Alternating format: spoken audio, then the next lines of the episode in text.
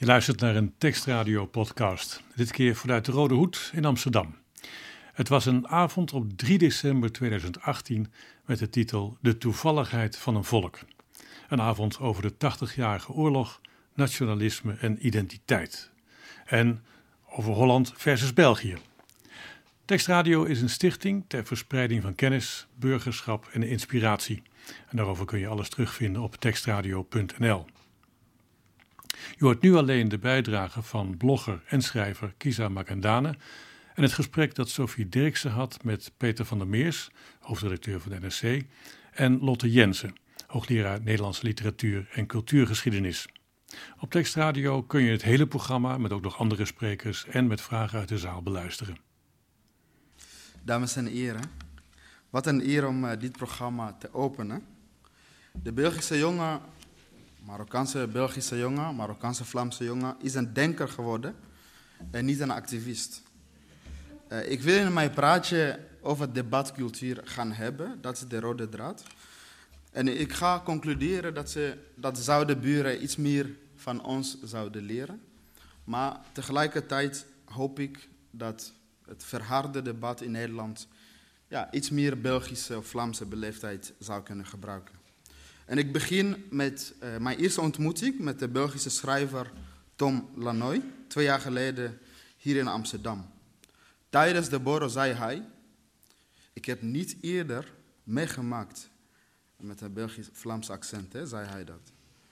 Een Congolees die met zo'n Nederlands accent spreekt, wat schattig. Ik begreep niet zo goed wat hij bedoelde, maar nu ik in Antwerpen woon, snap ik het ineens wat hij bedoelde. In gesprekken met Vlamingen betrap ik mezelf regelmatig op de Nederlander in mij. Twee maanden geleden sprak ik een jonge twintiger in Antwerpen. Hij was namens NVA, NVA moet ik zeggen, kandidaat eh, raadslid voor de uh, lokale verkiezingen. Net als ik was hij van Congolese afkomst. De Nederlandse taal verbond ons en maakte de communicatie tussen ons soepeler. Maar anders dan ik sprak hij met een Vlaamse accent. En dat vond ik best schattig. Zijn referentiekader was Vlaanderen, de mijne was Nederland. Dat was ook hè, in onze tongval te horen. Het verschil aan een referentiekader tussen de Congolese, Belgische uh, jongeren en ik beïnvloedt niet alleen ons tongval, het beïnvloedt ook ons mensbeeld en ons gedrag. En ik denk dat sommige mensen in het filmpje dat hebben benoemd. Het toevallige feit, om naar de, avond, de titel van de avond te verwijzen, dat iemand aan de overkant van de grens wordt gevormd, onderwijs en andere geschreven en ongeschreven regels, zorgt ervoor dat hij of zij een complete andere karaktereigenschap krijgt. Um, om de dominante denkbeelden over Vlaamse en Nederlandse karaktereigenschappen even te chargeren, die ook even voorbij uh, kwamen. De Congolese Vlaming is uh, gesloten en beleefd, terwijl ik als Congolese Nederlander open en direct ben. U kunt de eigen waarde oordeel daarover vellen. Wat de verschillen tussen Nederland en Vlaanderen ook mogen zijn, het is belangrijk om te onthouden dat ze in de eerste instantie een creatie zijn. Niet alleen door de historische gebeurtenissen, zoals de 80-jarige oorlog of 19, 1980, uh, de Belgische revolutie, maar het zijn bewuste menselijke keuzes. Het zijn ook dus niet alleen historisch, maar ook bewuste menselijke keuzes. In het boek Imagined Community omschrijft Benedict Anderson een natie als een sociale groep binnen een stad. Het is een sociale groep omdat het geconstrueerd is, het is bedacht. Verschillende individuen, in Vlaanderen bijvoorbeeld, hebben elkaar nooit ontmoet. Toch, toch hebben zij het gevoel dat ze Vlamingen zijn en niet Nederlander, ondanks het feit dat ze Nederlands spreken.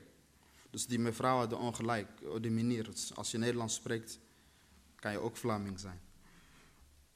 Volgens Anderson is het mogelijk omdat hè, dat hij elkaar Vlamingen voelt, uh, omdat Vlaanderen een imagined community is. Het bestaat in de hoofden van deze individuen En door middel van een gedeelde verleden, taal en cultuur uh,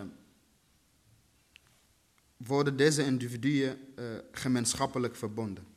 De uitvinding van de gedrukte pers heeft het geloof in deze gemeenschappelijkheid versterkt, betoogt Anderson in zijn boek. In een ander boek, uh, Nation en Nationalism uit 1983, gebruikt Ernest Gellner dezelfde modernistische argument om te betogen dat de natie een productie is van menselijke interventies. Voor hem is een natie een culturele eenheid van individuen die door middel van een gedeelde taal, geschiedenis en geloof zichzelf als gelijke beschouwen. Gellner betoogt dat het proces van industrialisatie een einde heeft gemaakt tussen verschillende geïsoleerde gemeenschappen, of althans die grenzen vervaagd.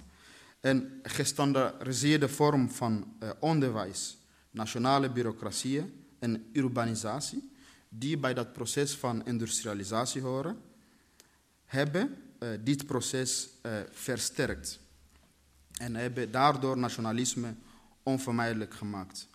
Onderwijs speelde daarbij een cruciale rol, want het bracht de taal, cultuur en gecodificeerde cultuur over.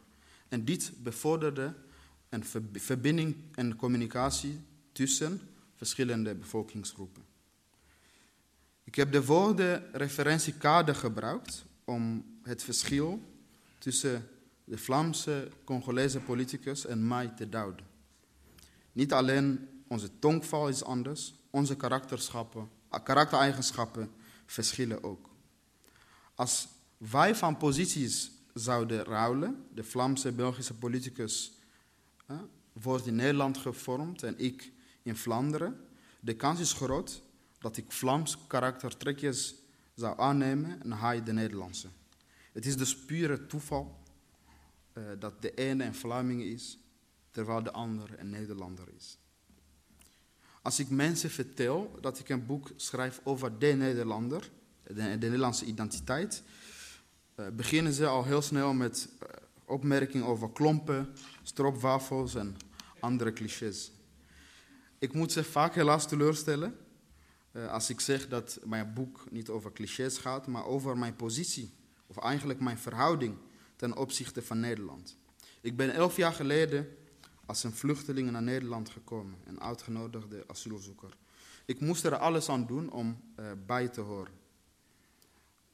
Integreren, zoals dat zo mooi heet. En dat integratieproces moest uh, ik een reis doornemen van een vluchteling naar een burger. Althans, zo betoog ik in mijn boek. Op basis van objectieve criteria van het IND kun je geruststellen dat ik een geslaagde integratieproces heb doorlopen. Daarom sta ik voor jullie vanavond. Maar de laatste vijf jaar vraag ik mij oprecht af: wil ik wel bij deze mensen horen? Want ik zie landgenoten die hun burgerschap baseren op basis van nativisme. Radicale rechtse kringen vertellen mensen met een migratieachtergrond dat ze niet bij Nederland horen. Want uh, het zijn meestal witte Nederlanders die zeggen: Wij waren eerder hier en jullie zijn nieuwkomers. En daartegenover gebruiken jongeren van een migratieachtergrond hetzelfde argument. Zij zeggen: Ja, ik ben in Nederland geboren, dus op basis hiervan claim ik mijn burgerschap. Misschien jullie bekend, Nederland, mijn vaderland, Zini Oostdeel, maar ook een politieke partij. Denk, Nederland is van ons allemaal. Ik ben hier geboren. En als nieuwkomer ja, kan ik alleen maar met verbijstering daarnaar kijken. Want uh, ik vraag mezelf af, deze mensen zijn hier geboren, ik zeg tegen mezelf, maar ze hebben er niet voor gekozen om Nederlander te worden. Het is puur toeval of geboorteloterij dat, dat ze op dit stukje grond zijn geboren. Waarom vechten ze dan met elkaar over wie Nederlander is of niet? Eigenlijk zou ik meer rechten hebben om Nederlander te zijn, want ik maak een bewuste keuze op om een Nederlander te worden. Maar naast deze verbijstering, naar deze twee vechtende groepen, uh, voel ik mij vaker buiten gesloten. door dat nativistische discours lijkt het erop dat ik nooit een volwaardige Nederlander ga worden, omdat ik niet binnen Nederland ben geboren. Ik blijf altijd een gast. En ik schrijf mijn boek om te onderzoeken hoe ik mij ten opzichte van deze ruzie in het Huis Nederland verhoud. Ik schrijf mijn boek omdat ik van mening ben dat verschillende bewoners van Nederland met elkaar in therapie moeten. En dat kan ik vanavond alvast weggeven. Want als je een gezamenlijk huis of een natie hebt, dan moet je ook de wil om een gezamenlijke toekomst te bouwen, om Ernest Renan te citeren. Ik geloof dat er een therapie noodzakelijk is tussen verschillende bewoners in Nederland, omdat ik om mij heen heb gezien hoe gebroken zielen zijn ontstaan. Vrienden die teleurgesteld eh, in Nederland zijn. Ze voelen zich in de steek gelaten. Ze voelen zich vreemdeling in eigen, in eigen land, omdat landgenoten hen vertellen dat ze terug moeten naar landen van hun voorouders. Landen waar ze vrij weinig mee te maken hebben. Andere Nederlanders voelen zich uh, bedonderd en dat een cultuur wordt kapot gemaakt en een manier van leven wordt kapot gemaakt door de, de zogenaamde buitenlanders, die eigenlijk landgenoten zijn. En in de voorbereiding van deze avond, we hebben een psychiater hier, is de vraag ontstaan, kunnen Vlamingen en Nederlanders misschien ook niet met elkaar in therapie? En dat is een vraag die ik in het midden laat en ik wil hem zelf niet invullen. Maar ik ben wel van overtuigd dat wij in Nederland met onze gebrokenheid ja, even met elkaar moeten praten, op de bank zitten en het onderbewuste naar voren halen. En dit proces, mijn engagement als schrijver, maakt mij eenzaam. Het is een hele eenzame bezigheid. Ik voel mij intellectueel eenzaam, omdat mijn ervaring niet door iedereen wordt herkend. Maar ook omdat mijn woorden onvoldoende zijn om mijn ervaring met de anderen te delen. Soms voel ik mij eenzaam omdat ik mijn gedachten en gevoelens niet durf op te schrijven, uit angst om het feestje te verstoren. Want via ongeschreven regels, iedereen zegt dat Nederlanders direct zijn enzovoort. Maar via de ongeschreven regels leer je dat men in Nederland ja, graag conformeert aan de norm. Nou, daar kom je pas achter als je eenmaal bij hoort. Dit conformisme geldt niet alleen voor dominante groepen, maar ook binnen de zogenaamde minderheidskringen wordt van individuen, zoals ik verwacht, om zich op een bepaalde manier te gedragen en bepaalde standpunten ten opzichte van bepaalde vraagstukken te vertolken. Om in zo'n conformistische cultuur eh, te overleven, moet je als schrijver vaker jouw woorden slikken. En dat brengt een vorm van existentiële vorm van eenzaamheid met zich mee. Je wordt dan omgeven uh, door mensen die voor jouw woorden klappen, maar eigenlijk alleen maar klappen omdat je het voorspelbare vertolkt. Hetgene zegt wat ze hopen of willen horen. En uh, als ik mij eenzaam voel, en de achtergrond uh, waarom, denk ik vaak aan Anil Ramdas. In een interview met NRC Handelsblad uit 2011 zegt hij, en ik citeer, ik heb altijd geweten dat ik een allochtone intellectueel, dat ik als allochtone intellectueel niet meer dan een niche vertegenwoordigde. Die van een cosmopolitische, progressieve intellectueel die opkwam voor het voortbestaan van de Nederlandse tolerantie. En het is goed om bij dat woord stil te staan, de Nederlandse tolerantie of Dutch tolerance. Het is heel cruciaal voor Ramdas. Zelf zegt hij daarover in hetzelfde NSC-interview. Er wordt mee bedoeld dat men elkaar, ondanks grote verschillen, in zijn waarde laat en ondanks alle verschillen samenwerkt. Over relatietherapie gesproken. En Ramdas, dit, uh, dit interview was een aanleiding van zijn roman Badal, een ideeënroman die naar mijn inziens door Nederland niet werd begrepen. En hij heeft dit roman geschreven, naar mijn inziens, om uh, de teleurgang van de Nederlandse tolerantie te omschrijven. Eigenlijk wilde hij daarvoor knokken. Vandaag, eh, als u de krant hebt gelezen in de NRC, dan hebt u een brief van mij met 95 andere ondertekenaars gelezen waarin we onze steunbetuiging delen voor Saada en Clarice Gargad. Het zijn twee zwarte columnisten die via hun mail en social media een overvloed aan racistische en seksistische bagger over zich heen kregen. Ze kregen deze reacties niet zozeer om wat ze zeggen, maar om, wie, om het feit dat zij twee zwarte vrouwen zijn. En ik citeer: Wij kunnen niet zwijgen over het psychische en verbale racistische geweld waar mijn collega's in het maatschappelijke debat mee te maken kregen. Wie zwijgt, stemt toe, schreef ik met de 95 andere ondertekenaars. Dat wij anno 2018 dit soort brieven moeten samenstellen, illustreert het feit dat Ramdas gelijk had. Nederland leidt niet aan een multiculturele uh, drama, zoals Paul Scheffer stelde. Nee, Nederland leidt aan een tolerantiecrisis. En in 2013 zei Ramdas al het volgende in de standaard. Volgens, was, volgens mij was Peter nog de baas. En ik citeer: Ik vind Nederland op dit ogenblik tamelijk onzindelijk. De toon, de stijl, de interessesfeer, de grofheid is heroïs, lompheid is heroïs, heroïs, hufterigheid is heroïs. Dan noemen ze dat direct en eerlijk. Ja, deze woorden konden nu, 15 jaar, 15 jaar later, als je het mij vraagt, niet pertinenter. Hoewel Ramdas de krant van de Zuiderburen gebruikt om zulke harde conclusies over Nederland te trekken, denk niet dat ze daar allemaal de zaak op orde hebben. Deze week, eh, dit weekend, vindt een feestelijke opening van het nieuwe Afrika Museum in Tervuren plaats. Eh, daar is uh, naar aanleiding daarvan terecht de polemiek ontstaan, want wat doen die geroofde kunst uit Congo en menselijke, menselijke resten daar? Het museum is een kindje van de Belgische koning Leopold I, de tweede. Het is door zijn vader opgericht en betaald door de opbrengsten uit Congo.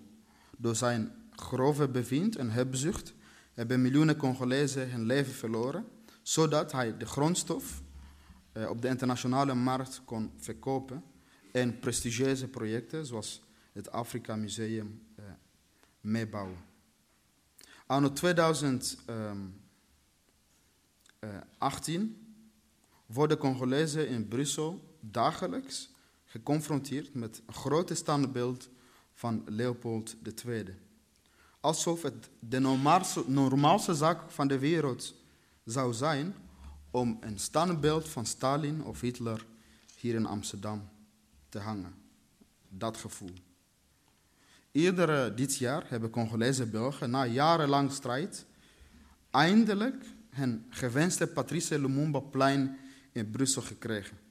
Patrice Lumumba is een Pan-Afrikaanse onafhankelijkheidsstrijder, de eerste gekozen premier eh, van Nederland, eh, van Congo, die mede door de Belgische en Amerikaanse overheid eh, is vermoord. In 1961 had Moskou al een universiteit naar Lumumba vernoemd, maar het heeft meer dan 55 jaar geduurd voordat een kleine pleintje in Brussel naar hem zou worden genoemd.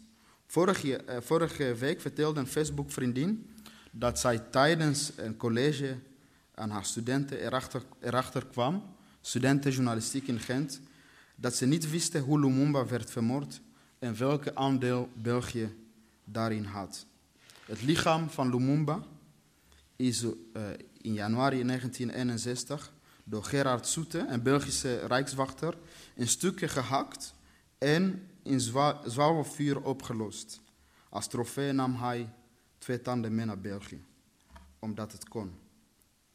Vorige week heeft Pierre Compagnie, de eerste zwarte, burgemeester van België, uh, is, werd hij beëindigd. Hij is burgemeester van een kleine gemeente in Brussel. Uh, zoiets uh, als een wijk hier in Amsterdam. Toen ik de euforie van zwarte gemeenschap in België zag naar aanleiding van dit nieuws, bedacht ik mij dat Ahmed Abu Talib, de burgemeester van de grootste economie van Nederland, zich kapot zou lachen om deze euforie.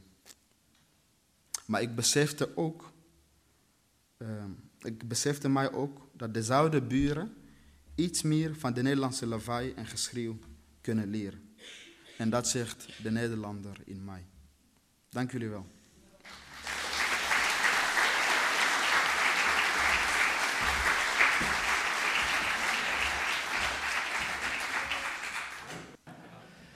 Dames en heren, goedenavond. Laat ik beginnen te zeggen wie u hoorde. U hoorde Kiza Magendane, publicist, politicoloog, um, import Antwerpenaar, 2007 naar Nederland gekomen, geboren in Congo. Tot zover zijn vele identiteiten.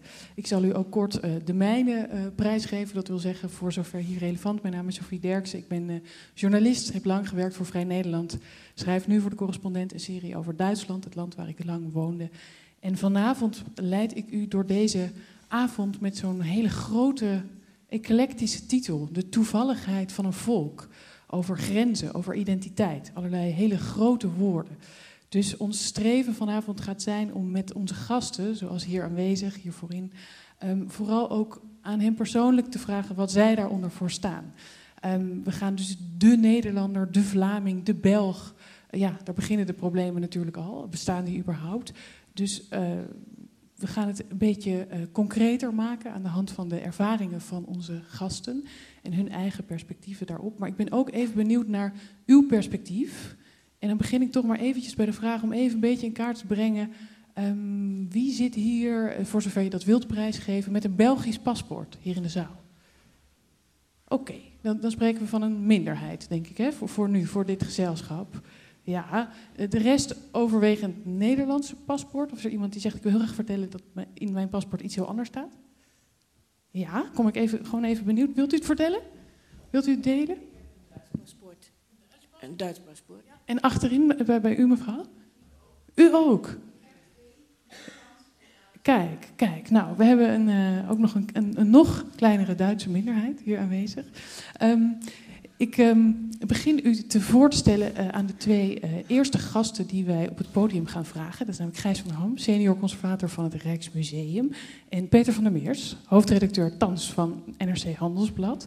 Terwijl jullie op het toneel gaan zitten, vertel ik u namelijk dat wij uh, beginnen aan dit gesprek over die grote vragen, zoals ik ze u eerder introduceerde, met een blik op de geschiedenis. Want dat is eigenlijk waar we vanavond met elkaar over willen spreken. Hoe wordt nu de geschiedenis ingezet om zoiets als een nationale identiteit te construeren? Want deze avond maakt deel uit van een reeks waar we praten met elkaar over de erfenis van de 80-jarige oorlog. Ten slotte uh, het moment in de tijd waarop het noorden en het zuiden uiteindelijk hun eigen weg gingen en er dus twee ja, staten ontstonden.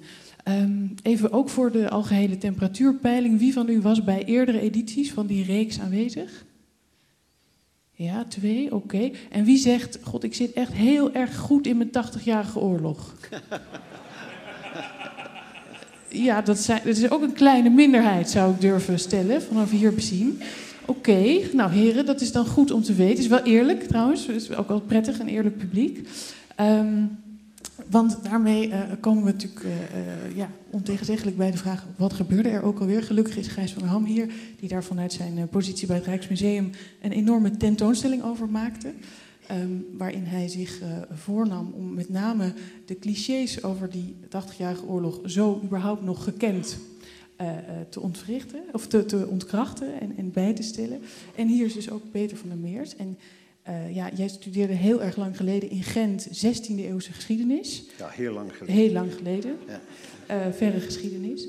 En ik begin eventjes bij jou, Peter. Um, Eerst ben ik trouwens eventjes benieuwd, want dat is misschien een kwestie die u wellicht of wel of niet bezighoudt. Maar ik vroeg net hier in de zaal naar de paspoorten. Jij zat een jaar geleden bij de Wereld Door, waar je wel vaker zit. Maar toen zat je er omdat je had gezegd dat jij je Belgische paspoort in ging leveren. Ja, ik heb Nederlander wilde worden. Ik, ik kon zelf geen update vinden van dat project. Ja. Is dat gelukt? Nou, ik heb het inburgeringsexamen examen gedaan. Ik ben geslaagd. Ah. Dat was een heel belangrijke eh, Nou, kijk. stap. Eh, Een applaus is makkelijk Ja. verdiend ja, vanavond. precies. Ik wist namelijk het antwoord op de vraag van mag je scheiden in Nederland? Ja, nee, alleen als de man het wil. Dus dit, dit, soort, eh, dit soort vragen. Eh, en ik, eh, ik heb nu begrepen dat ik binnen een paar eh, weken uitgenodigd word om mijn Nederlands paspoort te gaan halen en dan mijn Belgisch moet inleveren. Kijk, Ja. dus het, het komt, dit proces is nog gaande. Ja. Interessant vond ik dat je daar zat eh, bij de Wereld Door was namelijk een hele slimme stunt. Om dat paspoort ging je over vertellen, maar je had ook een boekje gemaakt. En daar ging het uiteraard ook over. Helpt natuurlijk als je boek omhoog gehouden wordt bij de Wereld Draait Door. Daarom ga ik straks dit boek nog een keer omhoog houden. Want het gaat over de 80 jaar oorlog, waarin beide heren hier aanwezig ook hun stuk eh, publiceren. Ehm, Peter, toen zei jij, eh, die bundel die jij hebt gemaakt, heeft als titel: Ik zou zo graag van jullie houden, zei jij als Belg, als Vlaming tegen de Ja. Nederlanders. Eh, met andere woorden, ja, ik kan dat niet anders lezen dan je, je doet het niet. En ik begreep ook dat je vertelde toen op televisie, ja, de slotzin bij eigenlijk elke column die ik schreef was: Jullie maken het me zo moeilijk om van jullie te houden. Kiza zei net in zijn verhaal: Wil ik hier wel bij horen? Ja.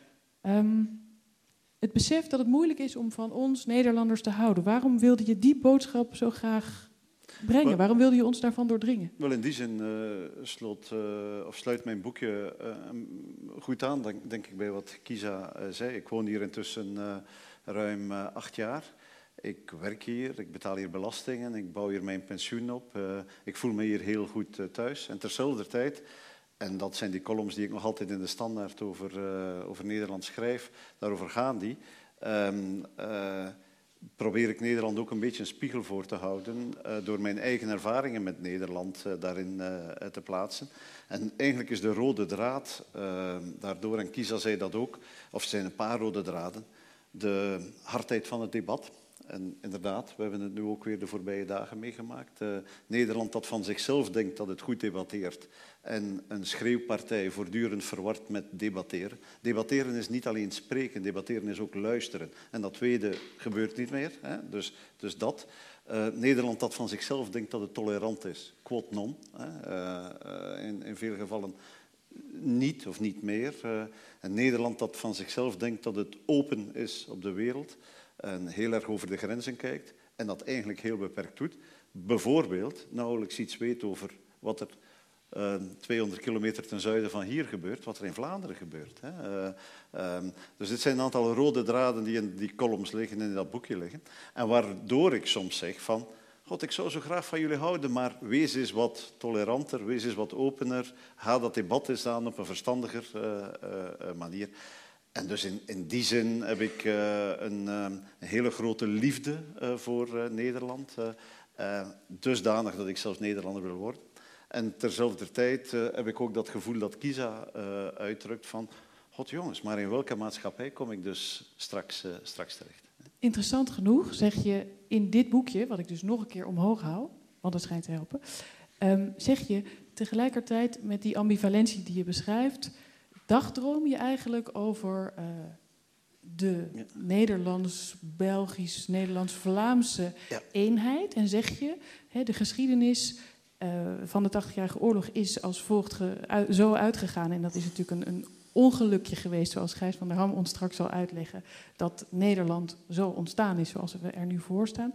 En tegelijkertijd zeg jij dus, ja, het had ook zo anders kunnen lopen. In dat woordje ooit- zo hoor ik een soort verlangen. Ja. Je dagdroomt hier Precies. Nou, over een ooit samenleving van genodigd door Gijs. 25 tot 30 miljoen Ja. inwoners. Wat is het aantrekkelijke dan? Wel, nou, het, het is in elk geval, het is natuurlijk een beetje een, een, een, eh, een, eh, geschiedenis eh, in, de, in de irrealis of de potentialis van het had inderdaad anders kunnen lopen. De toevalligheid, hè, lang verhaal kort en Gijs kent dat veel beter dan ik, maar eigenlijk indien de krijgsverrichtingen daar ergens in eh, het begin van de 17e eeuw niet zouden gestopt zijn waar ze gestopt zijn, en om allerlei redenen die relatief toevallig zijn, zijn ze daar gestopt, eh, is Nederland eh, onafhankelijk geworden. Iets wat Willem van Oranje eigenlijk nooit gewild heeft als dusdanig. Eh, ehm, en zijn de Nederlanden gescheiden. En we zijn ook weer kort door de bocht, maar zo was het toch wel. We zijn samen in opstand gekomen. Dat, dat beschrijf ik ook, of dat benadruk ik nog eens in,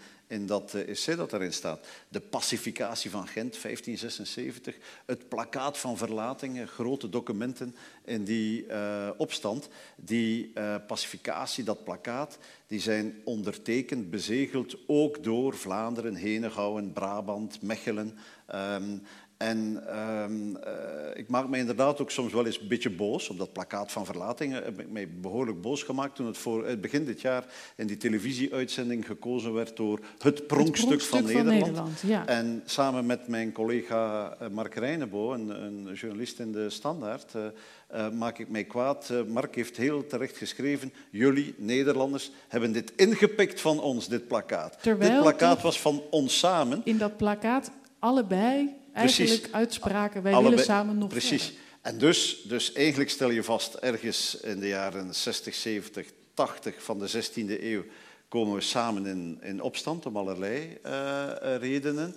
En wat Louis-Paul Boon, uh, uh, een van de mooiste, grootste Vlaamse auteurs, uh, altijd kwalijk genomen heeft aan Willem van Oranje en de zijnen. Hij vond van op een bepaald moment hebben jullie het zuiden verkwanseld. zijn wij achtergebleven, zijn wij in Spaanse handen gebleven terwijl Nederland Nederland geworden is. En daar is dus, om relatief toevallige redenen, is daar die grens uh, gekomen. En dit gezegd zijnde, ja, 450 jaar later, of 400 jaar later, uh, ja, die grens die is er en die heeft Nederland tot Nederland gemaakt voor een stuk.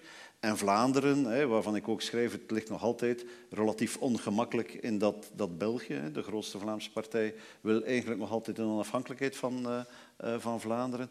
Dus om relatief toevallige omstandigheden in de 16e, 17e eeuw is die grens getrokken en is onze identiteit, en daar gaat straks ongetwijfeld in het tweede deel uh, verder op ingegaan worden, is onze identiteit ook anders. Hè? En is het dan wij die denken en jullie die spreken, dat weet ik niet, zoals die jongen in de film zei, of die activist waren. Maar goed, zijn we in elk geval voor een stuk kan je maar vaststellen dat wij voor een stuk andere identiteiten uh, gekregen hebben. Ja, we gaan op veel van wat je zegt later uitgebreider in. Ik ga eventjes nu naar Gijs, omdat jij hem net zelf al introduceerde als de man die de 80-jarige oorlog misschien nog wel net iets beter kent uh, dan jij met permissie. um, Gijs van der Ham, senior conservator bij het Rijksmuseum. Misschien maar eventjes ook voor toch een kleine opfriscursus voor al die eerlijke mensen die zeiden... hoe zat het ook alweer? Um, er is nu dus die grote tentoonstelling in het Rijksmuseum, ja. uh, naar aanleiding van het feit dat het 450 jaar hè, geleden is. Um, dat is een tentoonstelling waar jullie aan de hand van 200 ooggetuigen, meen ik, dus 200 objecten uit die tijd, eigenlijk steeds willen laten, laten zien dat ook die objecten steeds een, een heel subjectief verhaal vertellen. Die zijn natuurlijk ooggetuigen, die hebben een, een bepaalde uh, richting, eigen rol gespeeld. Eigen rol gespeeld. Ja. Precies. Nou wilde jij beginnen met twee clichébeelden over uh, uh, die oorlog uit de tentoonstelling. Misschien maar eventjes hier op het netvlies te toveren. Dat wil zeggen, ze komen als het goed is hier achter ons. dit is de zaal hè, waar ze hangen, ja. waar heel groot identity we, we boven het, staat. Ja, we hebben het natuurlijk vandaag over identiteit. Een van de zalen in de tentoonstelling is gewijd aan identiteit en met name aan het feit dat dat de twee delen van uh, de Nederlanden uh, een eigen weg gingen op een gegeven moment. Ik moet altijd beginnen met het uit te leggen dat Nederland niet bestond in 1568, toen dat conflict ontstond. Nederland bestond niet. Er was een de Nederlanden, dat was een samen. Uh, dat was er waren een aantal gewesten in, het, in wat nu het zuiden en het noorden zou kunnen worden genoemd. De Nederlanden, België, Nederland, de, Luxemburg, zelfs delen van Noord-Frankrijk. Die vormden een geheel. En die, er was ook niet een aparte Nederlands, wat we nu noemen Nederlandse identiteit. Het waren verschillende gewesten die samen waren. En door het conflict, um, door, en door het, hoe dat conflict verliep, um, raakten die twee delen uiteen. Het interessante is dat die opstand tegen het gezag van de wettige vorst Philips II en tegen de katholieke de kerk, zijn, ja. kerk zijn kern had in dat zuiden. In Vlaanderen en ook in Brabant. Daar begon die opstand. Niet in, niet in wat nu Nederland is. In de tentoonstelling zien we allerlei geuze preken die ook met name in het zuiden bijvoorbeeld ja. plaatsvonden. Hè? Hebben we inmiddels de, de twee clichébeelden te pakken? Ja, kijk.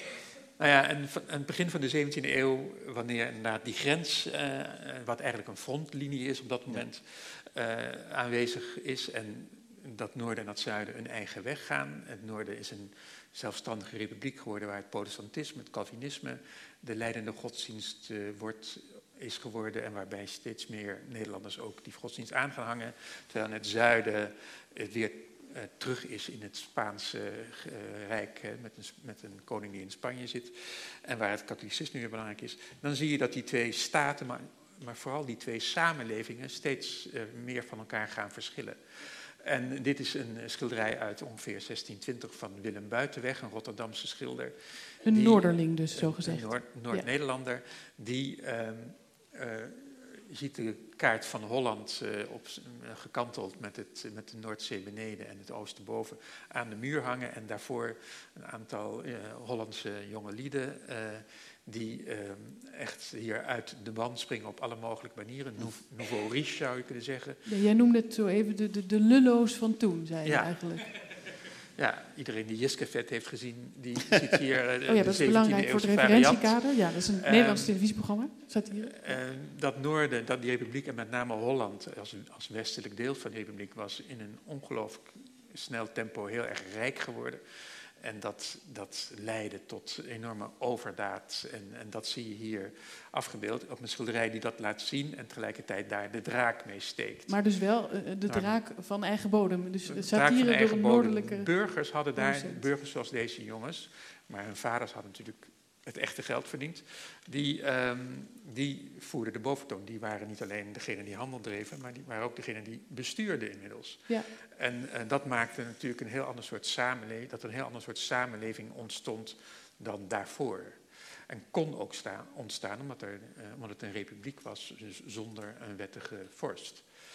Um, en, en, wat was het clichébeeld, zo je wilt, van het zuiden? Uh, welk ja, beeld heb je voor het, ons meegenomen om ja, dat te illustreren? Het zuiden heb ik een, een, heel braaf schilderij, zou je kunnen zeggen, meegenomen. Wat uh, ongeveer in Peter dezelfde tijd is licht, ontstaan. licht verontrust. Ja. Wat?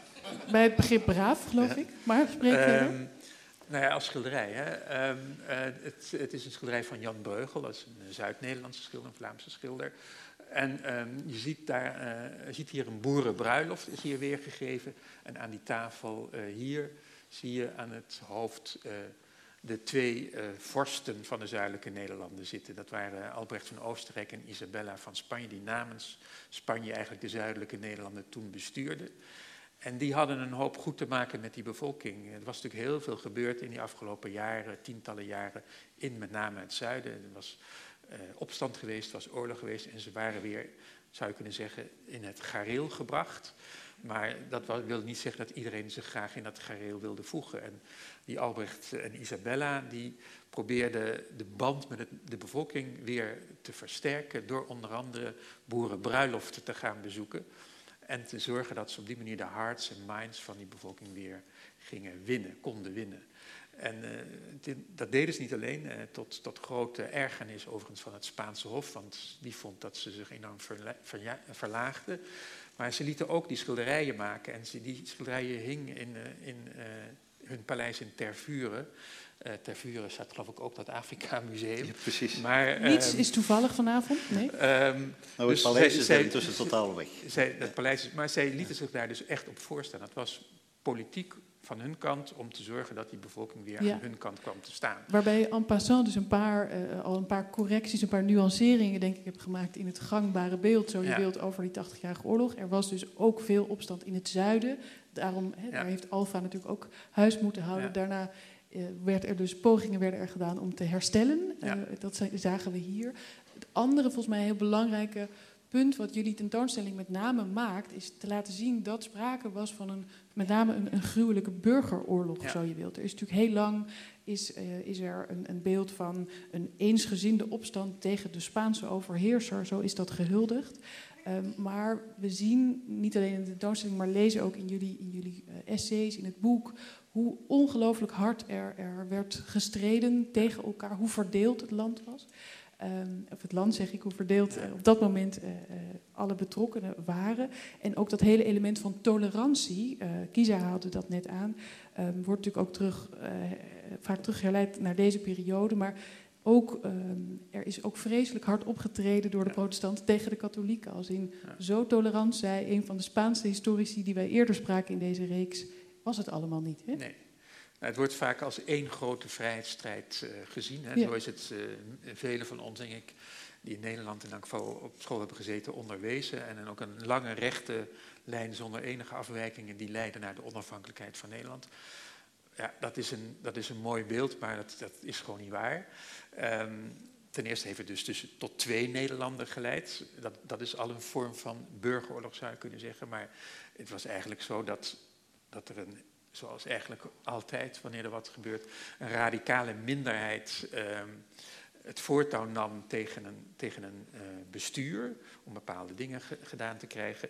En de grote uh, massa van de bevolking tussen twee vuren zat en daar het slachtoffer van werd.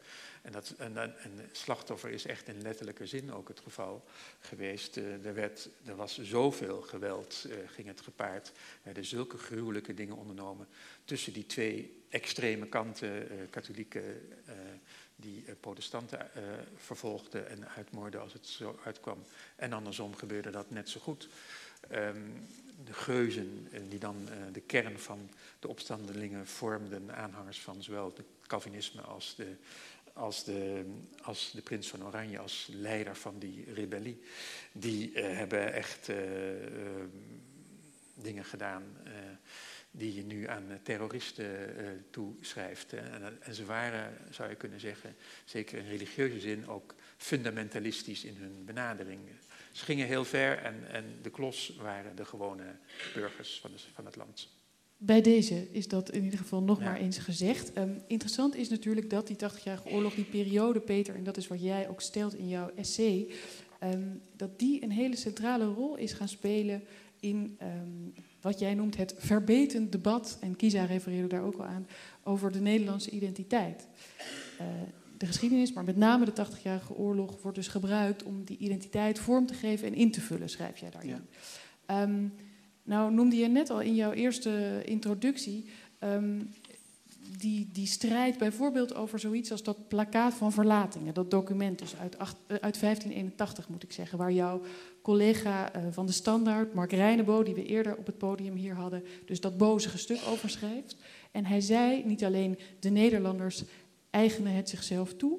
Maar hij constateert een nationalistische wending in het debat in Nederland over de Ja. geschiedenis. Ben jij dat met hem eens? Ja, voor een groot stuk wel. Ik schreef ook in dat stuk uh, in, in, in het boek van Gijs dat die 80-jarige oorlog nog altijd een soort koekjestrommel is waar iedereen naar believen uithaalt Ja. wat uh, hem of haar uh, uitkomt. En voor de uh, protestanten is het natuurlijk, de, de, de, de, de, Nederlandse protestanten is het de strijd tegen de katholieken, de overwinning van, voor Nederlandse nationalisten is het het ontstaan van de staat, voor... Uh, de katholieken benadrukken in een aantal gevallen hun martelaren. Belgen zullen in een aantal gevallen, of Vlamingen, het hebben over die uh, Rubens en Van Dijk. Uh, ik heb ook geschreven dat niemand in die 80-jarige oorlog, of in die geschiedenis van die 80-jarige oorlog, het uh, echt heel veel heeft over de, de, corruptie die de republiek zeker in de 17e eeuw, begin van de 17e eeuw, kenmerkt en de slavernij, waarmee we voor een stuk... De, de, de, de, de republiek hebben gefinancierd. Het is dus een beetje een koekjestrommel, die geschiedenis, waar iedereen de dingen uithaalt die hem of haar uitkomen. En ik vind een van de grote verdiensten van de tentoonstelling nu in het Rijks, dat dat allemaal heel erg weer historisch uh, op zijn plek uh, gezet wordt. En, en wat, wat Gijs daar juist samenvat. En dit gezegd zijnde, is het natuurlijk zo dat er in Nederland... Ik, ik volg het debat in de rest van Europa veel minder goed dan in Nederland. Maar ik heb ooit in een column ook geschreven in de Standaard dat ik denk dat nergens in West-Europa op dit moment het, uh, er geen land is. Er zijn wel een aantal streken, Catalonië en zo. Maar geen land is waar het debat over de identiteit zo heftig gevoerd wordt als op dit moment in uh, Sterker, Nederland. je, je schrijft de zoektocht in het noorden met een hoofdletter is intenser, harder, compromislozer dan in het zuiden. Ja, dat- En, en hoe verklaar je dat, ben ik Maar benieuwd naar. Het is, het is moeilijk te verklaren. En, uh, de, ik kan maar vaststellen dat uh, uh, toen Maxima in 2007 zei van dat ze de Nederlander niet had gevonden na haar zoektocht. Bij de eh, presentatie van het WRR OER-rapport, hè, was het, waar vervolgens precies. De er een voorzitter van de Oranje Ja. Vereniging enorm er overheen. een, een vonk ontstaan, eh, de, de, de stroom aan boeken in mijn boekenkast over de identiteit van Nederland. Ik dacht, als ik dan Nederlander wil worden, moet ik toch alles lezen wat over de identiteit. Nou, dan heb ik daar drie volle dagtaken aan, alles wat verschijnt over eh, de identiteit van Nederland. Hele Zwarte Piet-debat. Daarom vind ik ook dat Zwarte Piet-debat zo'n fundamenteel debat in Nederland, zo'n zo'n boeiend debat ook. Gaat natuurlijk over, over identiteit. Eh, het wordt ongelooflijk hard en heftig gevoerd. En soms zie je, hè, en, het voorbeeld van het plakkaat eh, der verlatingen, dat door dat televisieprogramma zo opgehemeld werd en, en belangrijker werd dan eh, dagboek, dagboek van Anne Frank of eh, De Nachtwacht. Ehm, daar zag je ook een, een, het hele debat dat we gehad hebben over de kanon, het hele debat dat we gehad hebben over het historisch museum, heeft heel veel te maken met, we zijn heel erg op zoek in Nederland, eh, wie zijn wij? Wie, wie, wie, wie zijn wij en wie zijn wij niet? En wie hoort erbij en wie hoort er eh, eh, niet bij? Maar ik vroeg En je ik naar kan- de heftigheid van, van dat debat en waarom die in Nederland in jouw optiek dus zoveel Ja, ik- groter en is ik dan moeilijk- bijvoorbeeld in, in, in België. Ja, precies. Ik kan moeilijk uit. In België ligt het debat natuurlijk iets anders, omdat daar al, er is al geen Belgisch debat. Er zijn tenminste twee of drie of zeven debatten in België. We hebben zes regeringen, dus er zijn minstens zes debatten. Eh, ehm, en, en daardoor blijft België ook samen, door die zes regeringen. Eh, ehm, eh, dus dus het, het is eh, eh, een, veel meer ehm, eh, verspreid debat dan in Nederland. Ik kan niet goed uitleggen. Ik ben lange tijd correspondent geweest in Frankrijk en daar hebben ze er ook iets van weg om l'identité française. En toch heb ik het gevoel dat, het, eh, dat we hier verbetener in elk geval, dat is misschien wel het juiste woord, op zoek zijn naar wie zijn we, wie... eh, en nog eens, ik vond de inleiding van Kisa in deze uitstekend, eh, dat, het, dat het dusdanig hard gevoerd wordt, het debat, dat een aantal mensen zich inderdaad afvragen, maar wil ik er nog wel bij horen? eh, omdat eh, de, het heel erg eh, ook, ook in, in termen van uitsluiten gevoerd wordt. Ik wil toch nog eventjes naar, naar België, naar Vlaanderen, for that matter. Naar die koekdrommel waar jij op wijst. Je zegt, het lijkt wel in Nederland alsof daar naar believen uit geput kan worden. Je beschreef, de Vlamingen hebben het dan natuurlijk vooral over die katholieke identiteit. Maar ik kan mij toch voorstellen dat er toch ook wel meer in die koekdrommel zit eh, aan jullie kant eh, eh, van de zaak. Wacht even, ik leid het eventjes in. Ehm, eerder zei bijvoorbeeld Mark Reinebo, de eerder genoemde Vlaamse historicus, op het toneel, die zei ja... ehm, Onder andere is toch ook het beeld aan de hand van die 80-jarige oorlog. We zijn heel lang door vreemde bezetters overheerst. En daar, zei hij, is bijvoorbeeld ehm, in, in, aan, jou- aan jouw kant, in het zuiden, toch ook die mythe aan ontleend. Als, die zou nu doorwerken in de zin van een soort, soort fundamenteel wantrouwen tegenover Ja. de machthebbers. Ja. Eh, daardoor zouden Belgen, Vlamingen belastingen ontduiken en de overheid Ja. principieel wantrouwen. Deel jij die analyse? Ja, het, het is inderdaad iets wat eh, Vlamingen en Belgen heel gemakkelijk over zichzelf vertellen.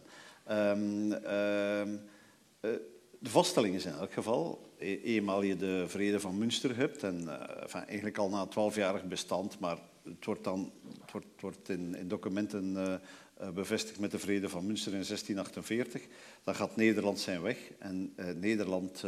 eh, wordt enkel nog bezet in de Tweede Wereldoorlog. Hè. Eh, nog even wat eh, Franse eh, invloeden op een bepaald moment.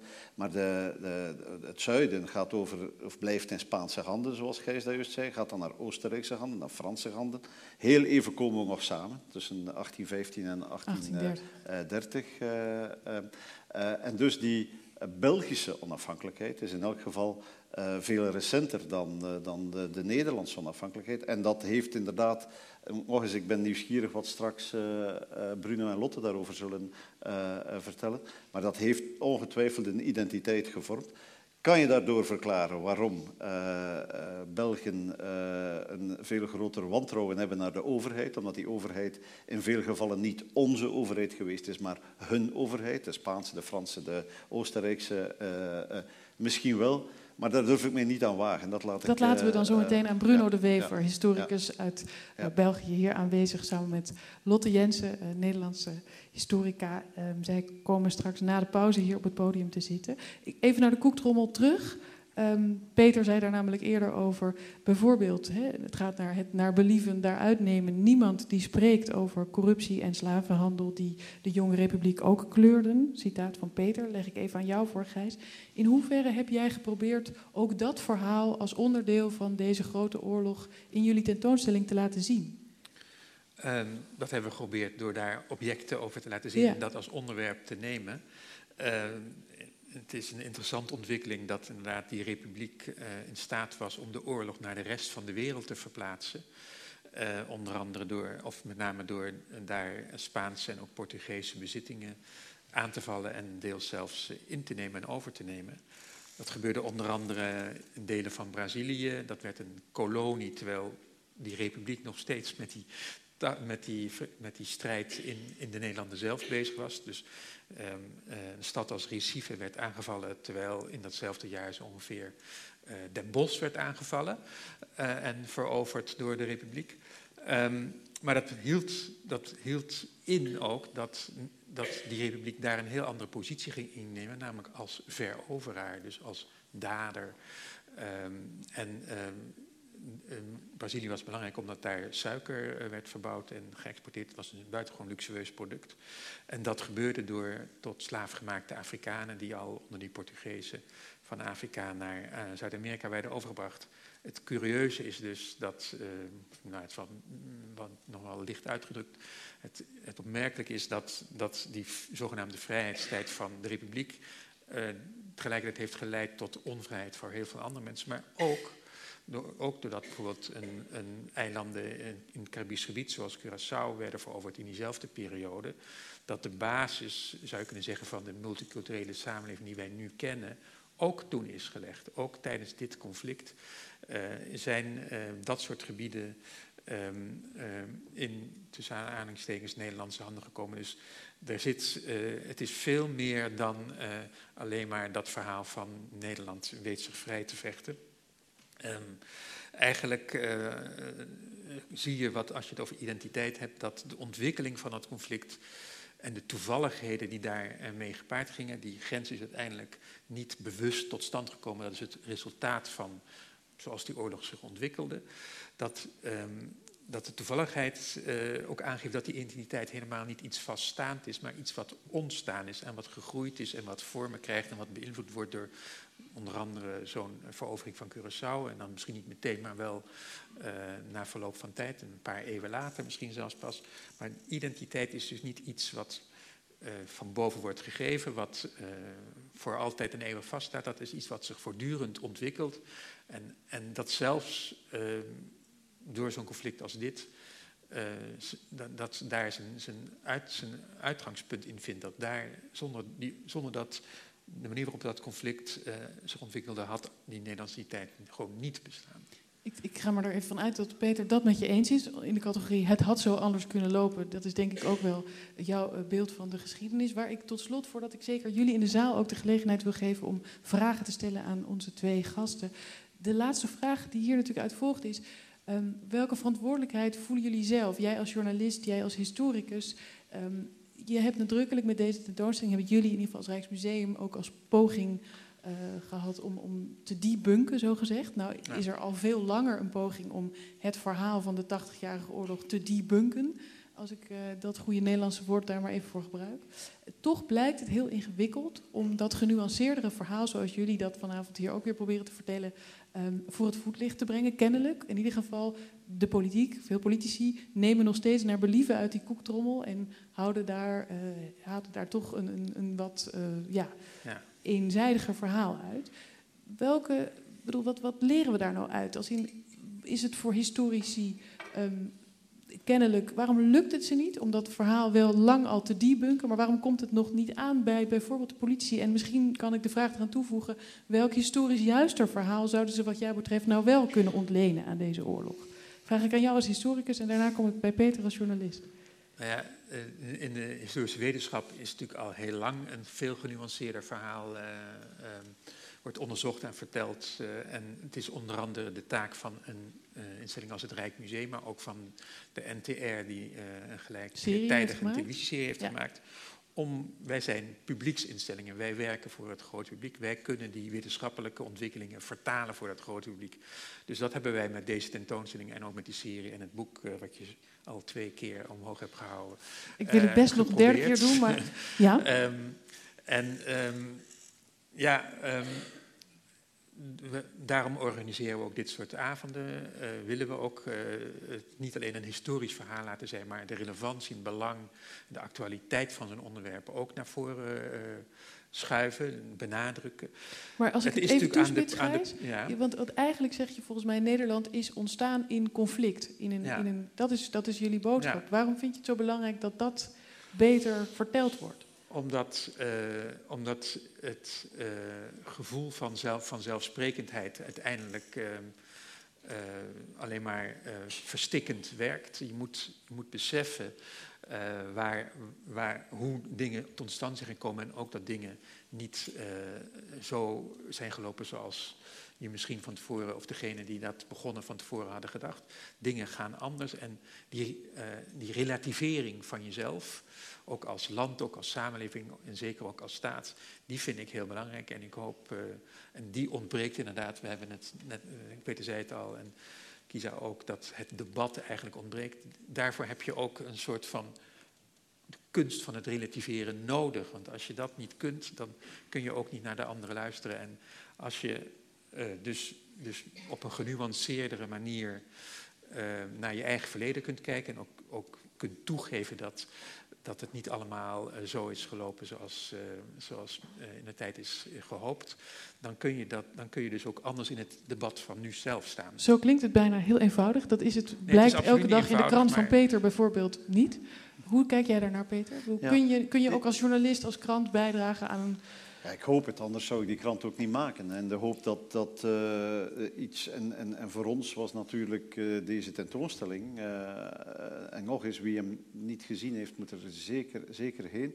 Om twee redenen eigenlijk. Die tentoonstelling gaat over, zoals die 80-jarige oorlog, die gaat over thema's die, die wij dagelijks op het journaal zien, in de kranten beschrijven. En, het gaat over, uh, je gebruikte daar juist al het woord terreur.